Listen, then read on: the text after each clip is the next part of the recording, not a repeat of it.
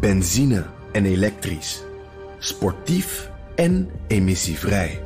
In een Audi plug-in hybride vindt u het allemaal. Ervaar de A6, Q5, Q7 en Q8 standaard met quattro vierwielaandrijving. Wat u ook zoekt, u vindt het in een Audi. Audi. Voorsprong door techniek.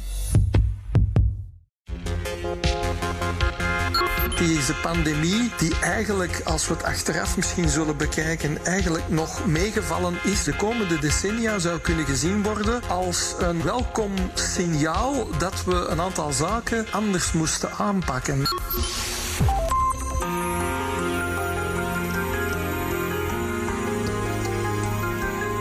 Luistert naar De Stratege, een podcast van BNR in samenwerking met het Den Haag Centrum voor Strategische Studies. Mijn naam is Paul van Liemt. Who will get the vaccine first? Is it the nation who developed it, or is it the nation who needs it most? Or is it the nation with the deepest pockets? access by all who need uh, the vaccine. The allocation criteria cannot be implemented unless there is a global consensus on making any vaccine that will be found or discovered as a, a global public good. Much of the debate about the impacts of the pandemic, our responses to it, and also the longer term legacy it may leave are really about various forms of inequality.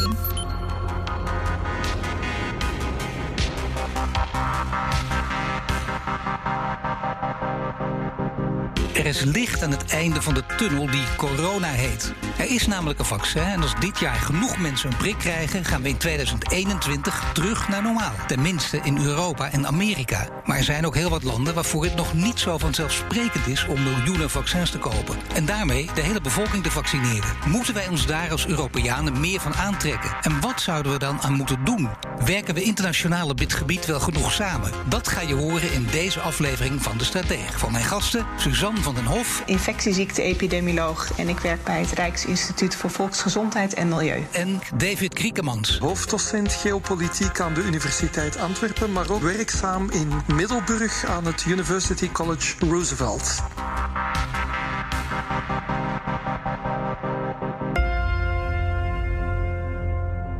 Things are happening. We're starting to see light at the end of the tunnel. The not too distant future will be uh, very proud of the job we all did. zijn we een stap dichter bij het oude normaal. Nu er goed nieuws is over een coronavaccin. Al in december zou het vaccin van de Amerikaanse Pfizer goedgekeurd en gauw daarna beschikbaar zijn voor Nederland. Ja, we zien eindelijk een beetje licht aan het eind van de tunnel. En ja, toen ik het hoorde, ging het bij ons ook wel echt met dag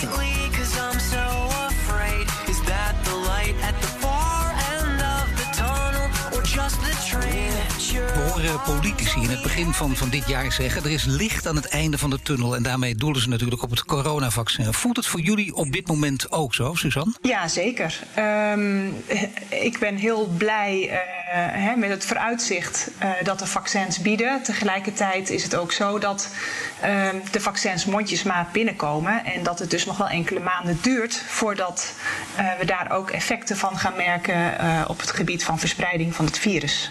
Zeker, dat moeten we inderdaad in ons achterhoofd houden. Want eh, David, in Nederland is eh, het nodige chagrijn richting de beleidsmakers. En nu bijvoorbeeld inderdaad over hoe de vaccinatiecampagne bijvoorbeeld verloopt. Is dat in België precies hetzelfde of niet? Ja, ik denk eh, dat wij al wat voorsprong hebben wat dat betreft. Dus dat er in België eigenlijk hardere maatregelen zijn genomen gedurende een langere periode. Met ook grote spanningen en ook vragen over de rechtsstaat, democratie eh, en dit soort van zaken. Dus eh, heel, we lopen erg gelijk eh, wat dat betreft. Wel allerlei terechte kritische vragen of vind je veel gezeur? Wel, gezeur een stukje, maar terecht toch ook wel, denk ik, omdat natuurlijk voor België bijvoorbeeld er eigenlijk geen juridische basis was om een aantal maatregelen te nemen. En er vandaag ook een opiniestuk in de grootste krant van Vlaanderen staat, onder andere door mijn eigen rector ondertekend met de vraag of een aantal van die maatregelen eigenlijk ook niet ons bij ons zullen blijven eh, na corona. Eh, en dan gaat het onder andere over eh, het data en privacy. Dus dit is toch wel een debat dat moet gevoerd worden, denk ik. Ja, inderdaad, de discussie van wat tijdelijk werd voorgesteld wordt permanent. Dat is een ander debat, daar gaan we het nu niet over hebben. Suzanne, jij bij het RIVM. hoe ervaar je het nu? Je werkt daar, je ligt onder een enorm vergrootglas, dus ook heel veel kritiek. Elke stap die je zet wordt kritisch gevolgd, hè? Ja, nee, dat, dat klopt. ik denk ook dat dat. Um, ik begrijp dat heel goed. de hele um, COVID-epidemie heeft een enorme impact op iedereen's leven. Um, dus het is ook uh, logisch dat iedereen heel nauwgezet volgt wat er gebeurt. Uiteraard gaan, kunnen sommige dingen ook beter. Um, dus ik snap dat er af en toe kritiek is. Aan de andere kant denk ik ook dat we het uh, als Nederland nog niet eens zo slecht doen. En dat sommige dingen ook wel heel erg uitvergroot worden. Ja, ik zou bijna zeggen, hoe word je er op, uh, op feestjes op aangesproken? Maar feestjes zijn er niet meer. Dus dan word je ja, niet. Dat is, een groot voor, dat is een heel groot voordeel. maar toch, uh, je komt af en toe iemand tegen. Je praat met iemand, misschien wel via de telefoon. En dan zeg je dat je van het EVM bent. Dan wordt er toch raar gereageerd of meestal positief? Nee, ik moet zeggen, over het algemeen reageren mensen positief. Um, zeker uh, ja, in mijn eigen vriendenkring, uh, waar ook veel artsen werkzaam zijn die de gevolgen zien van COVID. Um, die zijn allemaal heel begripvol en ook. Uh, Overigens uit gegevens van allerlei eh, surveys blijkt dat het overgrote merendeel van de Nederlandse bevolking heel erg achter de maatregelen staat en de koers die gevaren wordt in Nederland. Uh, maar er is een, uh, ja, tegelijkertijd is er een hele uh, groep mensen die heel mondig zijn en die ehm, nou, veel aandacht vragen voor de dingen die nog beter kunnen. En ehm, ja, dat krijgt ook meer dan voldoende aandacht. Mag geen mensen uit, uit, uit horeca en retail in je kennissenkring? Um, niet, uh, ja, toch ook wel. Ja, um, toch, maar ook daar veel begrip hoe, hoeveel, ja, hoewel mensen uh, het uiteraard voor zichzelf heel vervelend uh, vinden, uh, toch ook wel ja, voelen, voelen mensen ook wel dat er een noodzaak is. En we zijn dan ook nog in de gelukkige omstandigheid dat we in een land wonen waarin er bijvoorbeeld steunpakketten zijn. Dat is natuurlijk in heel veel andere landen heel anders. Zeker. Nou ja, uh, voor de talkshows uh, zijn dit leuke onderwerpen om heel kort te bespreken. Wij gaan nu de diepte in. We gaan het hebben over geopolitiek en het coronavaccin. Want David, jij hebt nagedacht over wat de implicaties van het vaccin zijn in geopolitieke zin.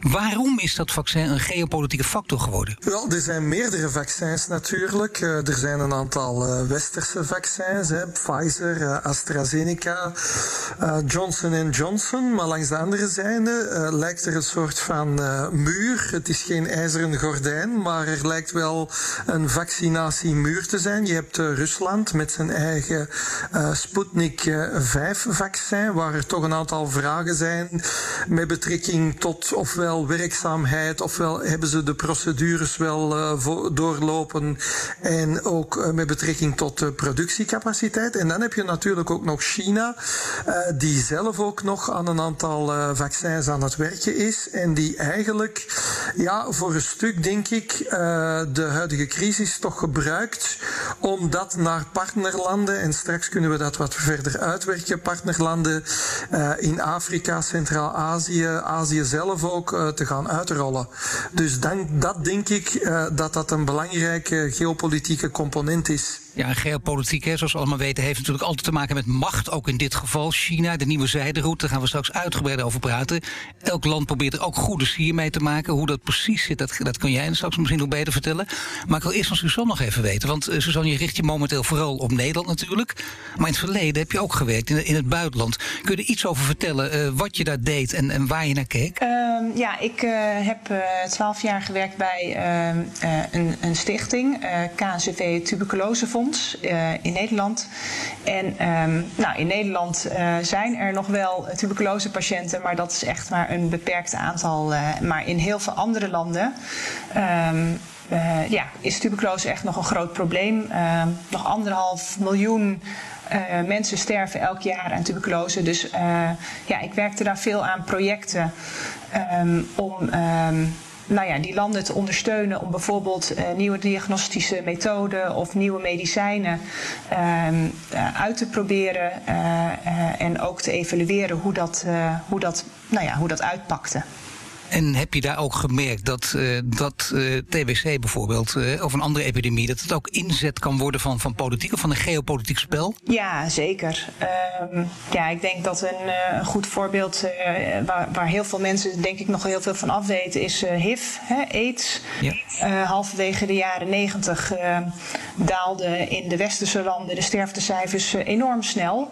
Door de, doordat de antiretrovirale therapie beschikbaar kwam. Maar in de, bijvoorbeeld de zuidelijke Afrikaanse landen, waar de epidemie eh, op zijn hevigst was en eigenlijk nog steeds is, um, waren die medicatie, was die medicatie niet beschikbaar. Um, naar schatting zijn er 12 miljoen mensen overleden uh, in 10 jaar tijd, doordat zij geen toegang hadden tot die medicijnen, terwijl die gewoon wel beschikbaar waren in de westerse wereld. Um, daar worden dan ook wel, nou ja, in de politiek daar merkte je ook dat het soms inzet was Um, dat er gezegd werd dat uh, nou, die medicatie niet veilig was. Um, weet, ik weet het ook van poliovaccins, waarbij dan um, nou ja, mensen echt geloofden dat die vaccins ingezet werden in Afrika om uh, te voorkomen dat daar uh, te veel nieuwe kinderen zouden, geboren zouden worden. Um, ja, en dat wordt natuurlijk ook daar in het politieke arena uh, wordt daar gebruik van gemaakt om stemmen te ronselen. En je hebt natuurlijk ook uh, kunnen kijken naar de rol van het Westen, waar je al iets over gezegd hebt. Maar wat vond je en vind je, of nee, beter gezegd, wat vond je in die tijd van de bemoeienis van het Westen? Um, nou ja, uh, dat is heel dubbel. Uh, aan de ene kant is het heel goed hè, dat er iets van ontwikkelingssamenwerking is, maar het moet natuurlijk wel echt samenwerking zijn gericht op duurzame ontwikkeling. En ehm, ik denk dat de westerse wereld daar nu wel van doordrongen is, maar dat dat in de jaren negentig nog iets minder was. Waardoor heel, heel veel initiatieven waren, maar die niet altijd leiden tot echt structurele verbeteringen. Um, een, een, voorbeeld wat veel gebruikt wordt is uh, waterpompen neerzetten zonder na te denken over uh, wie dat moet onderhouden bijvoorbeeld. Ja. Waardoor die uiteindelijk ja, stil komen te staan en niet gebruikt worden. Ja, dat was inderdaad een andere tijd. Dat hopen dat het nu beter gaat. Maar toch, uh, David, uh, nu in deze tijd met, met, corona, stelt het Westen zich enigszins solidair op? Of uiteindelijk, als je goed kijkt, is het toch vooral gericht op het eigen belang? Wel, ik vrees dat er misschien wel initieel goede bedoelingen waren, maar dat we de facto terechtgekomen zijn in een wereld van America first, Europe second. Hè? Als je kijkt naar ons nationaal debat in elk van onze Europese Europese landen, dan gaat het toch vooral over het vaccineren van de volledige bevolking. Daar waar uh, de VN-secretaris-generaal uh, Guterres een aantal maanden geleden had gezegd dat het eigenlijk niet de bedoeling was om in fase 1 uw volledige bevolking te vaccineren, maar wel de ouderen en de zwakkeren. En dat wil zeggen ook dat er, er zijn bijvoorbeeld initiatieven genomen op internationaal vlak. Dat heet dan COVID COVAX. Dat is een grote alliantie ja. van iets van een, uh, wat is het, 172 landen, ook gesteund door de Europese Commissie, met als ambitie om uh, iets van een 200 uh, miljard dosissen, wel te verstaan dosissen en niet aantallen, hè, omdat er bij bijvoorbeeld Pfizer twee um, vaccinaties nodig zijn, om dat te realiseren tegen eind 2021. Maar de laatste cijfers zijn toch niet zo positief. Het zouden maar enkele procenten van de totale productie van 2021 zijn die uiteindelijk gedistribueerd worden. En ik denk dat een van de hoofdoorzaken daarbij ligt dat de intellectuele eigendom die nu geproduceerd is door een aantal westerse farmaceuten, ja, dat die eigenlijk niet gedeeld wordt. In mijn visie zou die beter, uh, zou er dus beter ook uh, decentrale uh, productie moeten opgezet gezet worden. Want alles loopt. Bijvoorbeeld uh, België speelt daar ook een belangrijke rol in. Bijvoorbeeld België in Puurs heb je een van de Pfizer uh, productiecentra die uh, nu gaat eigenlijk produceren voor heel de wereld. Maar men zou dat ook, denk ik, sneller kunnen doen door dat decentraal te organiseren. Maar dan moet men wel natuurlijk terug een debat voeren over de intellectuele eigendom. Want daar zit de angel hè, bij dat intellectuele eigendom. Maar sowieso in ieder geval de inzet van zo'n coalitie of de vorming van zo'n COVAX-alliantie. wat vind je daarvan? Wel, op zich denk ik dat de bedoeling van COVAX goed was. Hè? dus ik denk dat was vooral gericht op de lage inkomenslanden en de middeninkomenslanden in Afrika, Centraal-Azië enzovoort.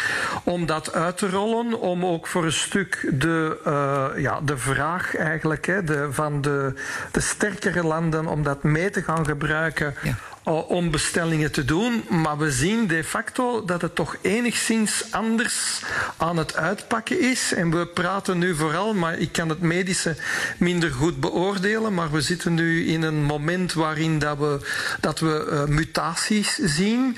Wel, als we natuurlijk niet met een mondiaal antwoord komen, dan zal het misschien wel deels opgelost worden in het Westen. Maar gaat uh, dit virus verder doormuteren in de rest van de wereld? En dat is denk ik een potentieel gevaar. Nou ja, dan moeten wij van Suzanne vragen. Is dat inderdaad een, een, een serieus te nemen potentieel gevaar? Ja, dat gevaar eh, bestaat overigens um, ook in landen uh, waar vaccinatie snel wordt uitgerold. En misschien zelfs al meer in die landen.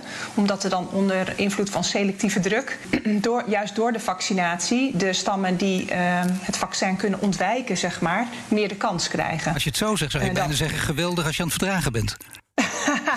Nou ja, tot, nu toe lijkt het, uh, tot nu toe lijkt het wel gelukkig zo te zijn dat um, de vaccins ook gewoon nog goed beschermen tegen de mutanten die er nu uh, uh, rond waren. Um, dus dat is een goed teken. En ja, niemand weet of en wanneer er mutanten ontstaan um, waartegen het vaccin, de vaccins minder goed werken. Um, nog even terugkomend op, uh, op uh, wat er net gezegd werd, want ik ben het daar helemaal mee eens. En um, uh, ik las wel toevallig dat Johnson Johnson binnenkort zijn fase 3 data gaat indienen. En dat als dat wordt uh, goedgekeurd door de, door de FDA, dus in Amerika, dat er dan ook uh, het mogelijk wordt gemaakt uh, om uh, in Zuid-Afrika zelf, waar die trial liep, om heel snel heel veel doses te gaan produceren. Dus dat is dan een positieve ontwikkeling hierin, denk ik. Um, maar ja, het is, het is heel. Jammer dat het, dat het voor die andere vaccins inderdaad niet ook sneller geregeld kan worden. En dan krijg je dus ook van alles wordt een wedstrijdje gemaakt. Misschien moeten we dat hier toch ook even doen, David. Als je kijkt naar Amerika, de Europese farmaceuten ook. Uh, en de landen natuurlijk die hiermee te maken hebben. En die afzetten tegen China. Wie doet het op dit moment dan het beste, denk je? China, juist waar je net op hinten ook. Omdat ze al die landen die ze tussen aanhalingstekens onder hun hoede hebben. Dat ze die landen ook vaccins verstrekken? Wel, het is natuurlijk moeilijk om er een wedstrijdje van te maken. Eigenlijk wat ik wil aangeven is uh, door het feit dat we uh, niet decentraal produceren, geeft dat eigenlijk ook de kans aan China om eigenlijk een, een opportuniteit van je welste te zien, bij wijze van spreken, om in haar partnerlanden eigenlijk haar eigen oplossing uit te rollen. En haar partnerlanden zijn dan vooral een aantal Afrikaanse landen, omdat China daar gedurende de laatste 10, 15 jaar natuurlijk partners van heeft gemaakt omwille van olie en schaarse grondstoffen, maar ook in wat we dan noemen uh, ja, die invloedszone die China aan het ontwikkelen is. One Belt, One Road, dus een aantal strategische landen ja, de nieuwe uh, in Centraal-Azië, tot zelfs, en, en dat is dan zo'n een raar geval, Hongarije, maar die, ja, die flirten eerder een beetje met de Russen uh, wat het uh, Sputnik 5 uh, vaccin betreft. Maar mag ik toch even iets nog over China vragen? Want dat betekent dat het beeld naar buiten is. En dat heeft natuurlijk alles met geopolitiek, want met macht te maken. Dat China heel goed werk verricht. Want kijk eens even, zij zorgen wel dat anderen van het vaccin voorzien worden. En het Westen laat dat na. Het Westen kijkt naar zichzelf. Een totaal vertekend beeld. Nou, misschien moet het totaal weglaten. Een wat vertekend beeld. Maar het betekent wel dat China dit spel naar zich toe aan het trekken is. Of niet, David? Ja, absoluut. En China uh, presenteert het natuurlijk alsof zij een publiek goed verdeelt. Hè, alsof zij uh, betrouwbaarder is. Hè. Dat is ja. toch het beeld dat zij naar voren wil schuiven. Um, en natuurlijk, een aantal landen zullen dat in de periode na die coronacrisis natuurlijk niet vergeten. Uh, dus dat is denk ik uh, strategisch een erg gemiste kans. En ik denk dat westerse landen zullen moeten bijsturen. Als we nu al bij elkaar optellen wat bijvoorbeeld de Europese Unie allemaal bij elkaar besteld heeft, ja, dan zullen we ja. uh, vrij snel met een overschot zitten.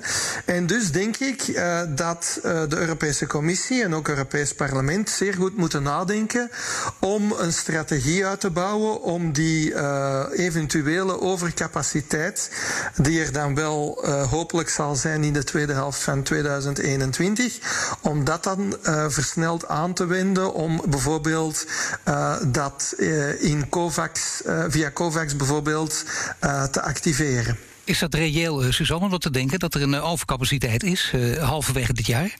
Ja, daar lijkt het wel op. Als je ziet, kijk, de EU heeft natuurlijk ingezet op alle uh, mogelijke vaccins die er aan uh, zouden kunnen komen. Omdat niemand wist van tevoren van welke vaccins de eindstreep zouden halen. Nou, dat lijken er toch meer te zijn dan uh, van tevoren gedacht of, of gehoopt. Um, dus met de bestellingen die er nu liggen. Um, ja, lijkt er echt wel een overcapaciteit te zijn. Dus ik, ik zou er helemaal voor zijn om die bestellingen niet af te zeggen, maar om uh, daar als EU um, die wel te betalen uh, en dan inderdaad beschikbaar te stellen aan landen die, die daar niet fondsen voor hebben. Zou dus, uh, David, geopolitiek ook een goede zet zijn van, van de EU? Uh, voor de duidelijkheid, hè? we praten over geopolitieke spelers. We hebben het over Rusland, we hebben het over China, we hebben het over de EU, we hebben het over Amerika. Maar we hebben het ook over farmaceutische bedrijven. Kun je dat ook als geopolitieke spelers op zich zien? Of is het toch een aparte categorie? Wel, om op de twee vragen te antwoorden. Uh, ja, ik, ik, denk, ik denk inderdaad dat we, dat we dat absoluut moeten doen als Europese landen. Dat er ook andere redenen zijn waarom we bijvoorbeeld Afrikaanse landen naar de toekomst toe uh, geostrategisch veel meer uh, nodig zullen hebben. Ook in het bredere verhaal naar de reconversie van onze economie, schaarse grondstoffen, uh, zullen we terug ja, on speaking terms moeten geraken met die landen. En dan denk ik dat dit een belangrijk gebaar is. De farmaceutische bedrijven zelf, ja, kijk, die zijn een beetje hybride spelers. Hè.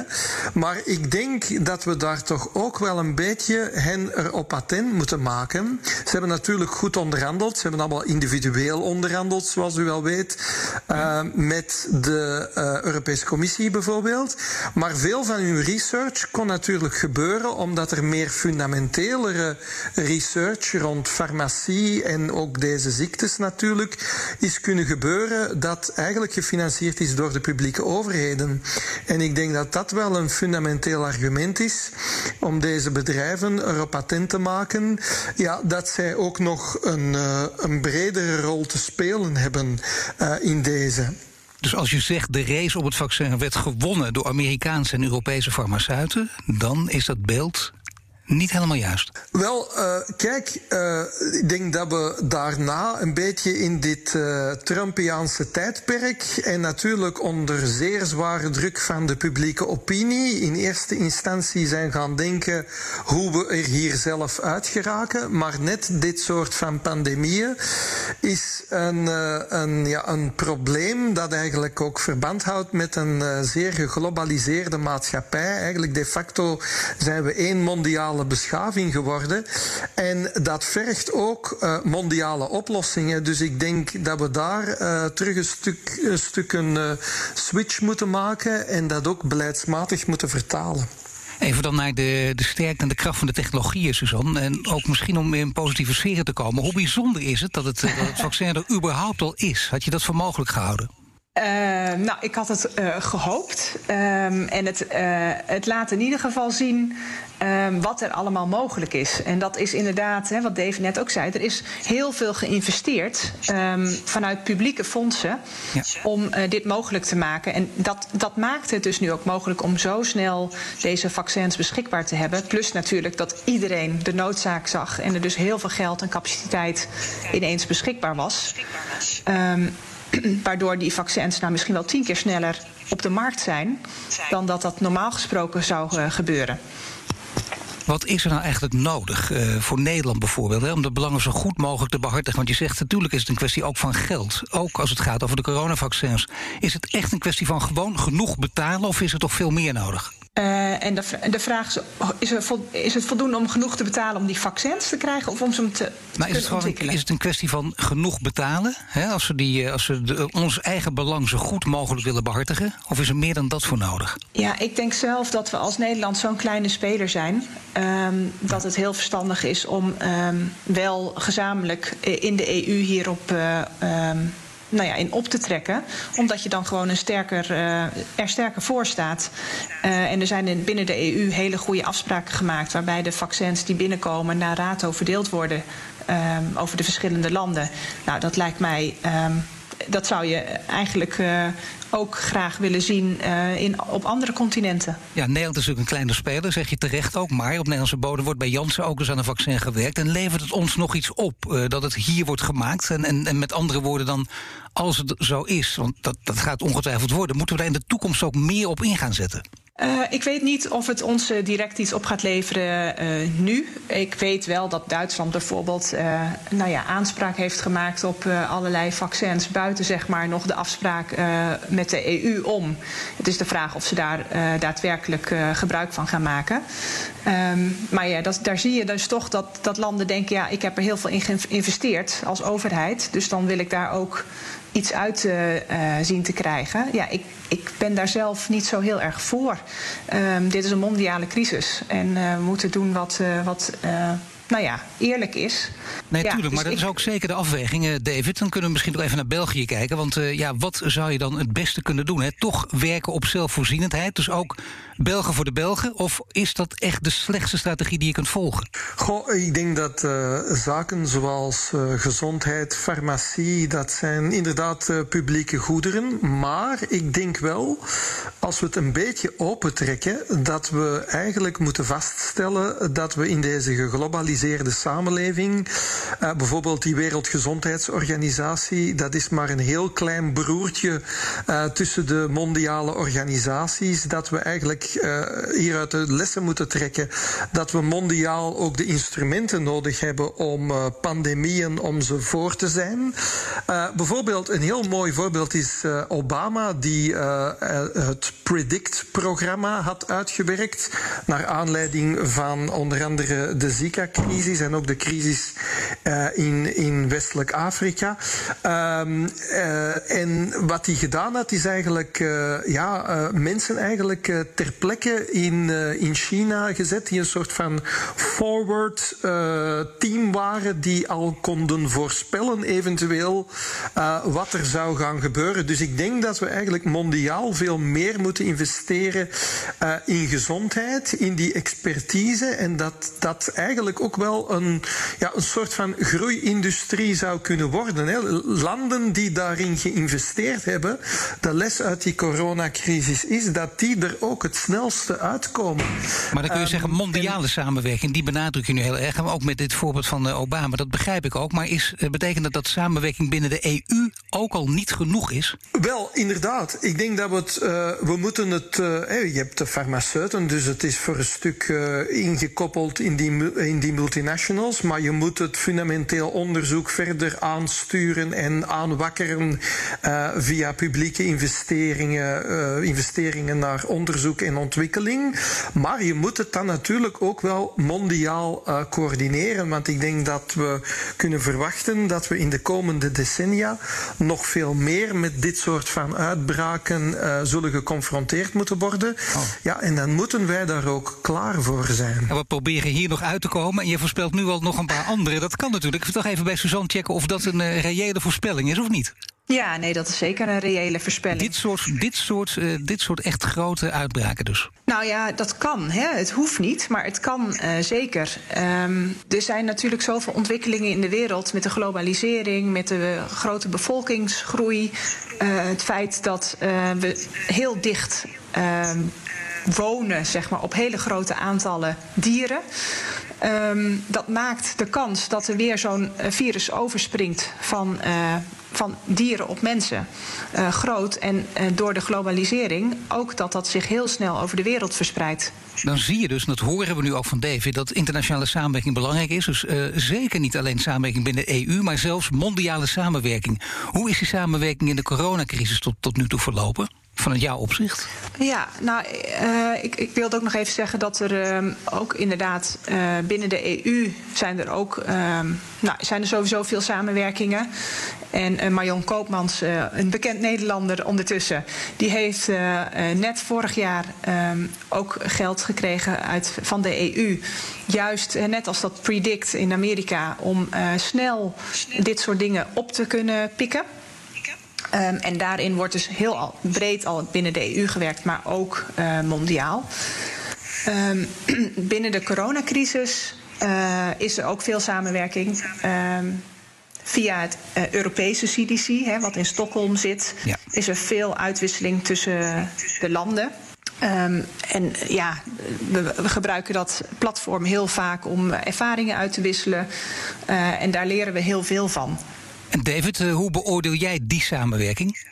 Wel, ik denk uh, dat er uh, al heel wat fundamenten eigenlijk liggen van die samenwerking. trouwens, net voor de coronacrisis zou ik normalerwijze, zoals elk jaar, met mijn studenten in Genève naar de multilaterale instellingen gegaan zijn en ook naar de Wereldgezondheidsorganisatie. Ik denk vooral dat je dit soort van instellingen moet versterken en dat er ook wel een gevaar is van nationalisering of hernationalisering. U weet dat er een heel debat is ja. over uh, de China binnen de Wereldgezondheidsorganisatie. Ja. Uh, dat zij druk zouden uitgeoefend hebben op de WHO. U weet dat er een WHO-team nu maar pas eigenlijk toegang zal hebben tot. Dat was een jaar na dato, inderdaad.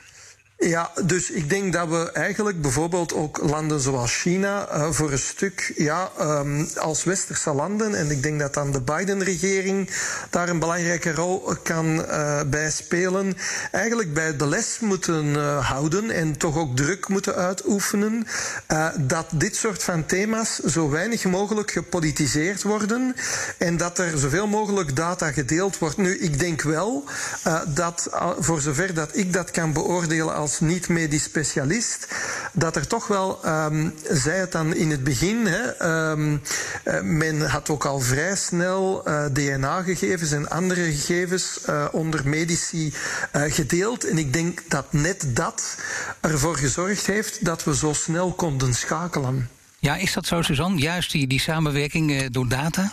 Ja, nee, dat klopt hoor. Um, sowieso de, de sequentiedata van het uh, coronavirus delen, dat dat zo snel beschikbaar was, dat heeft enorm geholpen. Bijvoorbeeld ook om vaccins snel te kunnen ontwikkelen, maar ook om uh, testkits snel klaar te hebben, zodat er heel snel in heel veel landen, um, nou ja, uh, redelijk, de, dat er goed getest kon worden. dat was daar voorheen natuurlijk onmogelijk, omdat het een nieuw virus was. Uh, onze uh, wiskundige modelleurs bijvoorbeeld hebben veel uh, samenwerking met uh, andere groepen over de hele wereld. In het begin ook al meteen al heel nauw met groepen uit bijvoorbeeld Hongkong. Um, en dat was uh, ja, heel informatief om uh, zo inzicht te krijgen, ook in het, uh, de epidemiologie van dat virus. Nu is het wel interessant, hè? als we een beetje aan het einde van dit verhaal zijn gekomen, om even te kijken wat, wat, wat lessen zijn die we hieruit zouden kunnen trekken. Want er lijken wat tegenstrijdigheden ook in te zitten. En ik begin met David even. Kijk, aan de ene kant, mondiale samenwerking is geboden. Opletten daarbij, uiteraard. Hè, wat zijn de machtsstructuren? Wie heeft welke belangen? Maar samenwerking is geboden. Aan de andere kant weten we dat er dus, uh, je zegt het zelf ook, die uitbraken, en medisch weten we dat ook, hebben te maken met uh, veel mensen op elkaar, veel bewegingen internationaal, uh, mensen en dieren bij elkaar. Dus je moet ook op een andere manier naar globalisering kijken. Dus aan de ene kant globalisering, dus toch mee uitkijken. Dat betekent bijna pleidooi voor iets meer terugtrekken achter de grens. Aan de andere kant mondiale samenwerken. Welke kant moeten we nu opgaan? Uh, wel, de paradox is beiden. Hè? Dus met ja. andere woorden, uh, de, de, de globale samenleving die zal niet weggaan. Het is eerder ook al aangegeven als we kijken uh, naar demografie. Uh, we hebben steeds meer contact met elkaar. Maar als we het breder opentrekken, uh, zou je ook kunnen zeggen dat we moeten gaan voor een andere globalisering. En met een andere globalisering wil ik zeggen bijvoorbeeld, hè, een van de andere oorzaken van ziektes zouden kunnen zijn bijvoorbeeld de tropische gebieden of het kappen van het Amazonewoud. Dus ik denk dat we uh, dit moeten inpassen in een veel breder verhaal over een meer uh, duurzame globalisering, uh, waarbij we ook aandacht hebben voor hygiëne. Hè, want in sommige gebieden speelt dat echt wel nog altijd een grote rol voor basishygiëne, maar ook voor hoe wij ons verhouden ten aanzien van de natuur en ten aanzien van de dierlijke wereld. Dus ik denk dat we, dat we, dat we het eigenlijk op die manier uh, moeten inpassen in dat brede verhaal. Maar die wereld als mondiaal dorp, uh, dat gaat volgens mij niet weg. Integendeel, dat zal door technologische ontwikkelingen natuurlijk uh, nog versnellen. En dat houdt enorme kansen in, maar ook gevaren. en dan denk ik dat deze pandemie, die eigenlijk, als we het achteraf misschien zullen bekijken, eigenlijk nog meegevallen is, want het kon veel erger, dat die eigenlijk uh, bijna uh, misschien in de komende decennia zou kunnen gezien worden als een, ja, een welkom signaal dat we een aantal zaken uh, anders moesten aanpakken. Eigenlijk als een testcase ook. Ja, als testcase, ja. Ja, nou ja, dat is dan, zijn we dan toch uh, door, door een paradox eigenlijk op, op, op dit volgende punt terechtgekomen. Dan wil ik toch de les van uh, Suzanne ook even graag horen. Want uh, ja, je hebt natuurlijk in andere landen ook gewerkt. Je hebt daar met, met, met HIV, met TBC te maken gekregen. Je hebt vergelijkingen kunnen trekken met de huidige situatie.